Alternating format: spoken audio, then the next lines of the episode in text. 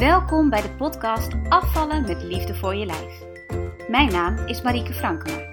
Ik ben musicalartiest, schrijfster en ik heb jarenlange ervaring met afvallen. Pas toen ik transformationeel werk ging doen en leerde hoe het brein werkt, hoe gewoontes werken en hoe je jezelf kunt ondersteunen op het diepste innerlijke niveau, begreep ik waarom gewicht verliezen altijd een gevecht was. En ik elke keer weer terug jojode naar mijn oude lijf. Nu is dat allemaal anders. Geen strijd, geen schuldgevoel en alleen maar een heerlijke flow en goede gezondheid met bijbehorend lichaam. Deze podcast gaat over afvallen vanuit kracht en liefde voor je lijf. Als je aan de binnenkant verandert, zal je buitenkant dat ook doen. Begin vandaag nog. Hartelijk welkom bij weer een nieuwe aflevering van de podcast Afvallen met Liefde voor je Lijf.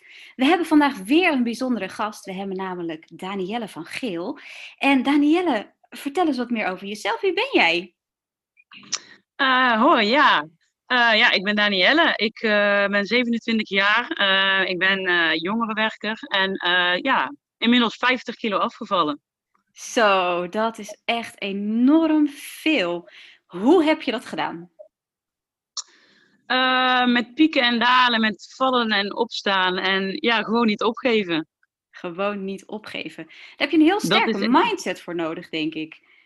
Ja, ja, ja dat wel zeker. Want uh, in 2014 was het mij voor elkaar, uh, had ik het voor elkaar gekregen dat eh, ik 41 kilo was afgevallen. Ja. En toen was er in mijn privé-omgeving was er van alles aan de hand. Waardoor ik niet op mijn eten meer echt kon letten. En ehm, doordat ik niet meer op mijn eten kon letten, ging ik weer terugvallen in mijn oude patroon. Waardoor ik weer aan bleef komen. En ik kreeg die mindset niet te pakken van kom op, we gaan weer verder. De kilo's vlogen er weer aan. En ik dacht elke keer, oh, niet boven dat getal, oh, niet boven dat getal. En uiteindelijk was ik weer 55 kilo aangekomen. Ja. Dus het is heel belangrijk dat je met je hoofd goed zit. Dat je een doel voor ogen hebt. En ja, die mindset die is gewoon alles. Ja, weet je nog wat jij tegen jezelf zei op het moment dat je zeg maar meer aan het aankomen was en welke shift je gemaakt hebt toen die knop wel weer omging? Wat, wat voor verschil was dat? Meer dat ik meer zelfvertrouwen in mezelf had. Van je gaat het gewoon, je, het lukt je wel. En het was ook niet van de een op de andere dag. Het was ook wel een proces dat ik heb moeten doorlopen. Maar je moet gewoon in jezelf geloven. Dat is heel belangrijk. Ja, klopt. Ja ja, om daar eventjes een soort van technische term tegen aan te smijten. Je hebt natuurlijk die self-fulfilling prophecy, die, die, die, zeg maar, die, die profetie over jezelf die uitkomt. En als jij denkt, ik kan het toch niet, dan zal dat waar worden. Terwijl als jij denkt, nee, ik kan dit, dan zal dat waar worden. Dus dat is inderdaad wel een hele, hele mooie shift die je daarin gemaakt hebt. Ja, tof. En hoe is dat nu? Want je bent nu weer op een, op een mooi gewicht voor jou. Um, hoe voel je je nu over jezelf en, en hoe is je mindset nu in dit proces? Ik voel me steeds beter over mezelf en um, je merkt dat het echt in stappen gaat. Want ik kreeg steeds meer zelfvertrouwen, want ik kom wel echt van ver dat ik echt heel slecht over mezelf dacht. Ik heb ook last gehad uh, in de brugklas van een depressie en dat ik echt, oh. ik, ik, wil het niet eens eigenlijk benoemen hoe ik over mezelf dacht. Nee, en hoe, steeds, als, hoe meer je afvalt, hoe meer je jezelf eigenlijk onder controle hebt met voeding en met, met sporten, uh, merkte ik dat het steeds beter werd, mijn gedachten over mijzelf. En het blijft nog, ik, ik denk steeds, nou, beter dan, kan ik me niet voelen. En dan toch, ja, krijg ik het weer voor elkaar om me toch steeds beter te voelen. Natuurlijk ook met ups en downs, want dat, ja, natuurlijk met ups en downs, ja. Ja, maar ja, weet je, je, je het, het is nagenoeg onmogelijk om je elke dag tof en jovel en, en, en, en ready to go te voelen, zeg maar. Maar jij bent nu dus in staat om dat heel snel weer om te draaien, begrijp ik. Ja, ja want ik heb echt wel dagen erbij zitten dat ik uh, denk van, oh, ik trek het niet meer en dan ga ik iets eten. Dan uh, ga ik heus wel een keer McDonald's of pizza, chocola en dan laat ik mezelf even gewoon gaan, want zulke dagen moet je ook hebben. Maar het is dan wel de kunst weer om het wel weer op te pakken en niet erin door te slaan. Precies. Tof zeg, wat, wat, wat fijn om, om inderdaad, ik kijk ook, ja jullie luisteraars die zien het niet, maar ik kijk ook echt naar een hele mooie stralende vrouw. Dat is echt zo fijn om te zien, dat is echt tof. Um, Lief om te horen.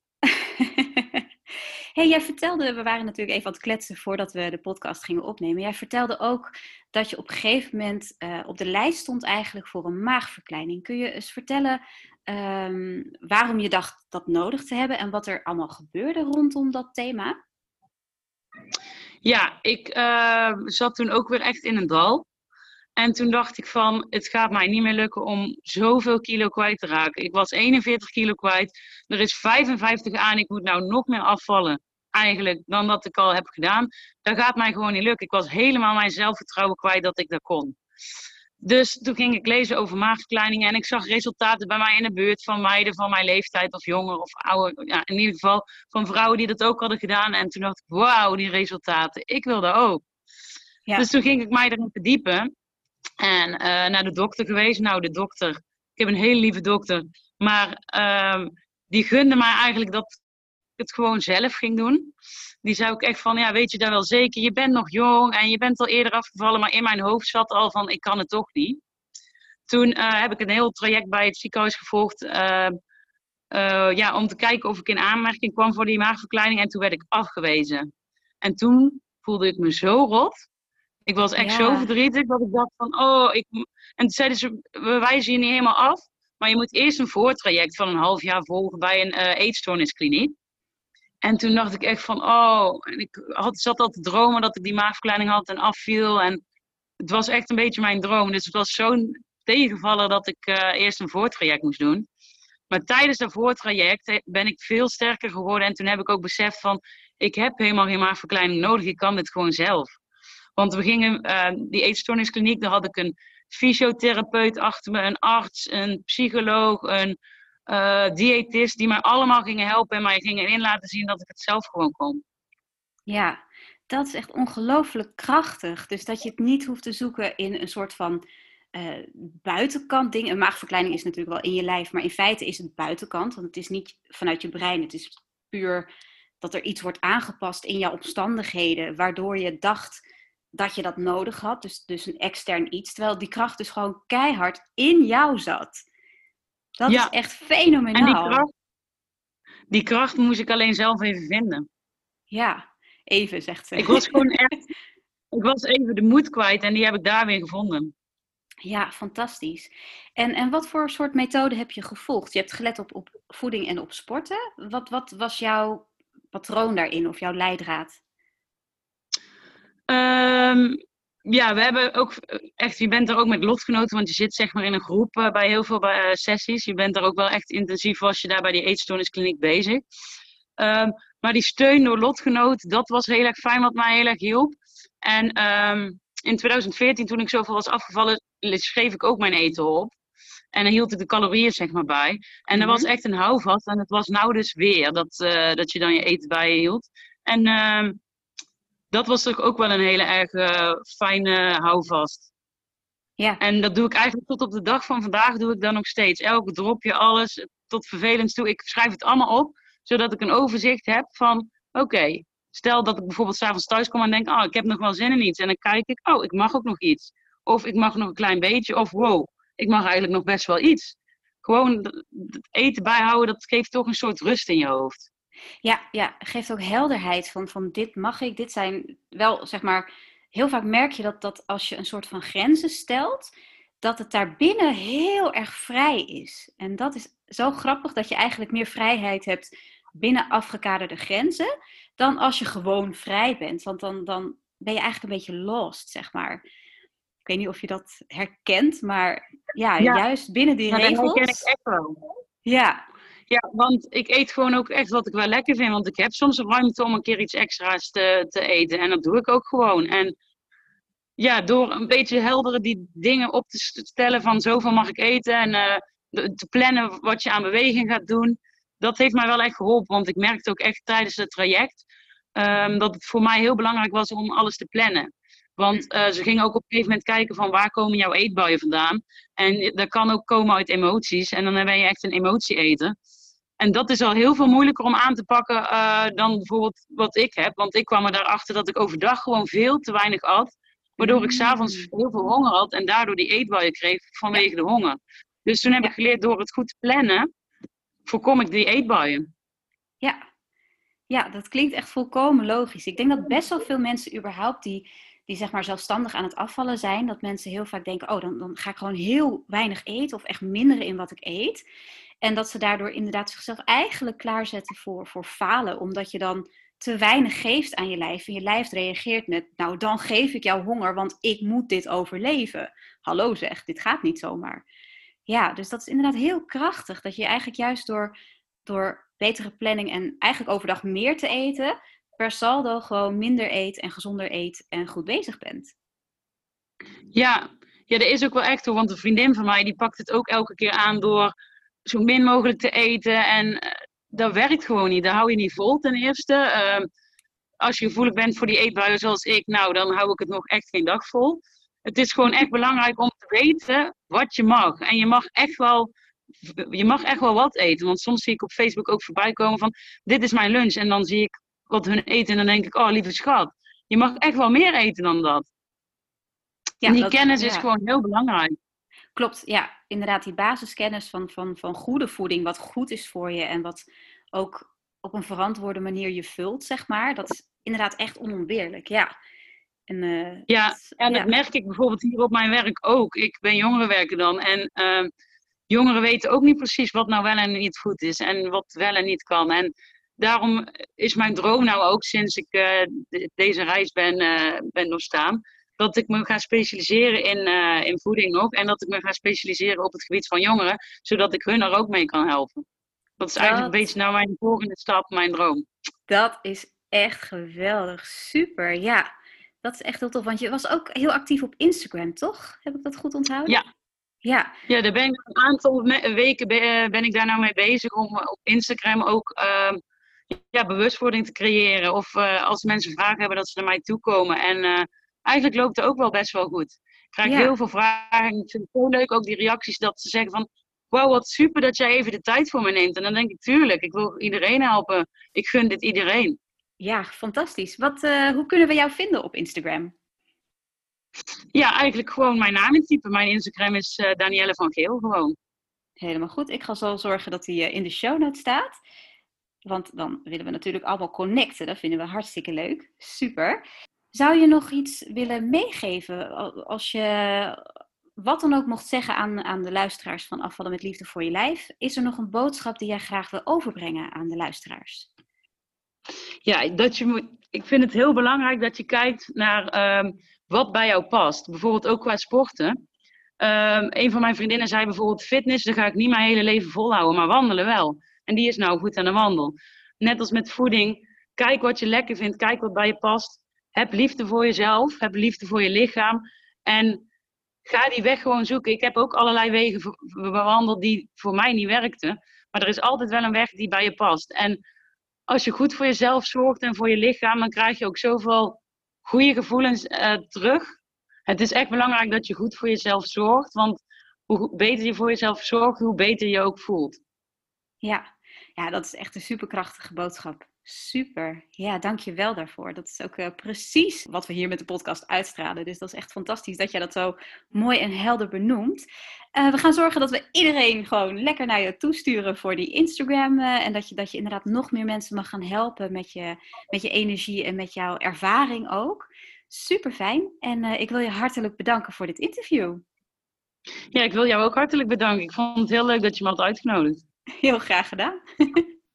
Ja, en toen hadden we eigenlijk het gesprek al afgesloten. Maar daarna kletsten we nog eventjes. En daar kwam ook zoveel moois naar boven.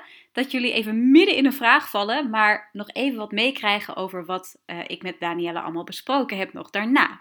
Ik denk dat heel veel mensen hier met heel veel, heel veel ja, ook eye-openers hebben, zeg maar. Alleen al inderdaad die maagverkleining. En, en dat jij ook zegt van, van er is altijd een weg. En houden van jezelf. Dat zijn van die hele belangrijke boodschappen die we ja. vaak missen. Weet je, mensen zijn heel vaak zo kwaad op zichzelf en op hun lijf en gaan dan in een soort van, van, van nou, standje oorlog hun lijf bevechten om maar dun te worden. Dat herkent wel heel erg. Want ik had op een gegeven moment ook bij die maagverkleining, had ik ook uh, echt die gedachten van, nu is het klaar. Dan, gaan we die maagverkleining doen en dan kun je niet meer eten. Dat is je eigen schuld. Weet je wel, ook die wraakgevoelens had ik wel van... Uh, of uh, ja, gewoon dat het dus als een soort straf werd gezien. Natuurlijk ook als een beloning, want ik zag het ook wel als iets positiefs. Maar ook gewoon, ik vind het heel fijn om te kunnen drinken tijdens het eten. Maar als je een maagverkleining hebt gehad, kun je dat niet meer. Dan mag je een half uur voor je eten mag je drinken en een half uur daarna, maar niet tijdens. Oh. En toen dacht ik, ja, dan is dat maar zo. Dan is dit je straf. En zo moet je Ja. het echt niet zien. Nee, precies. Dat is, dat is echt een soort Ja. van gevaarlijk bijna. En dan, dan bereik je ook vaak het, het, het averechtse effect. Of je valt wel af, maar op een heel ongezonde manier. Of je komt inderdaad gewoon meteen weer aan, omdat het niet onderdeel is van wie jij bent. Zeg maar. Dus dat Ja. is inderdaad eh, ook een heel belangrijke. Dat, dat, dat gevoel van oorlog, dat wil ik zo graag van het afvallen afhalen, zeg maar. Ja, want het Ja. is helemaal geen oorlog. Het is hartstikke leuk. Ja, precies. Ik vind het echt, het, het begin is echt moeilijk. Dat is elke keer weer. En ook als je weer zo'n faalmoment hebt, die dag erna dat je weer moet beginnen, is even gewoon. Maar kop op, eh, ja. Als je daarna weer verder gaat, is het weer leuk. En die resultaten die zijn echt wel helemaal leuk. Bijvoorbeeld hier op mijn werk ook. Elke keer die meiden weer. Oh, je bent zoveel afgevallen. En dan heb ik een meisje heel lang niet gezien. En dan komen er meiden naar mij toe. Kijk, dat is Danielle, hè? Dat is Danielle. Dat ze me gewoon niet meer herkennen. Fantastisch. Ja, dat is echt eh, Ja.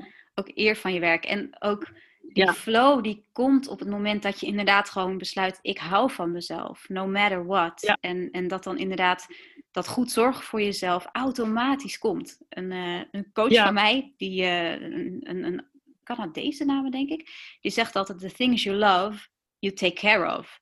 En dat geldt vooral voor jezelf. Dat is zo'n krachtige boodschap. Ja, Dat vind ik echt heel mooi. Want eerst deed ik altijd alleen maar zorgen voor mijn naasten, weet je wel. Die waren belangrijk. Ja, wat was ik nou? En nou denk ik, soms moet je jezelf, ook al is het heel moeilijk, soms moet je jezelf gewoon op één zetten. Want het belangrijkste ben je eigenlijk zelf. Want als je zelf niet functioneert, dan, ja, hoe moet je dan anderen helpen? Precies. yes, en dan gaan we samen zorgen voor een eh klein revolutietje in afvalland. Dat het weer wat minder eh, wordt en wat meer liefde Ja. en flow. Vind ik een goed Daar plan. hoop ik ook echt. En daar Ja. gun ik ook iedereen. Ik Want het is helemaal, hun, zoveel mensen, dan is het van, oh afvallen, oh diëten. Nee, dus het is mooi om een nieuwe levensstijl te beginnen.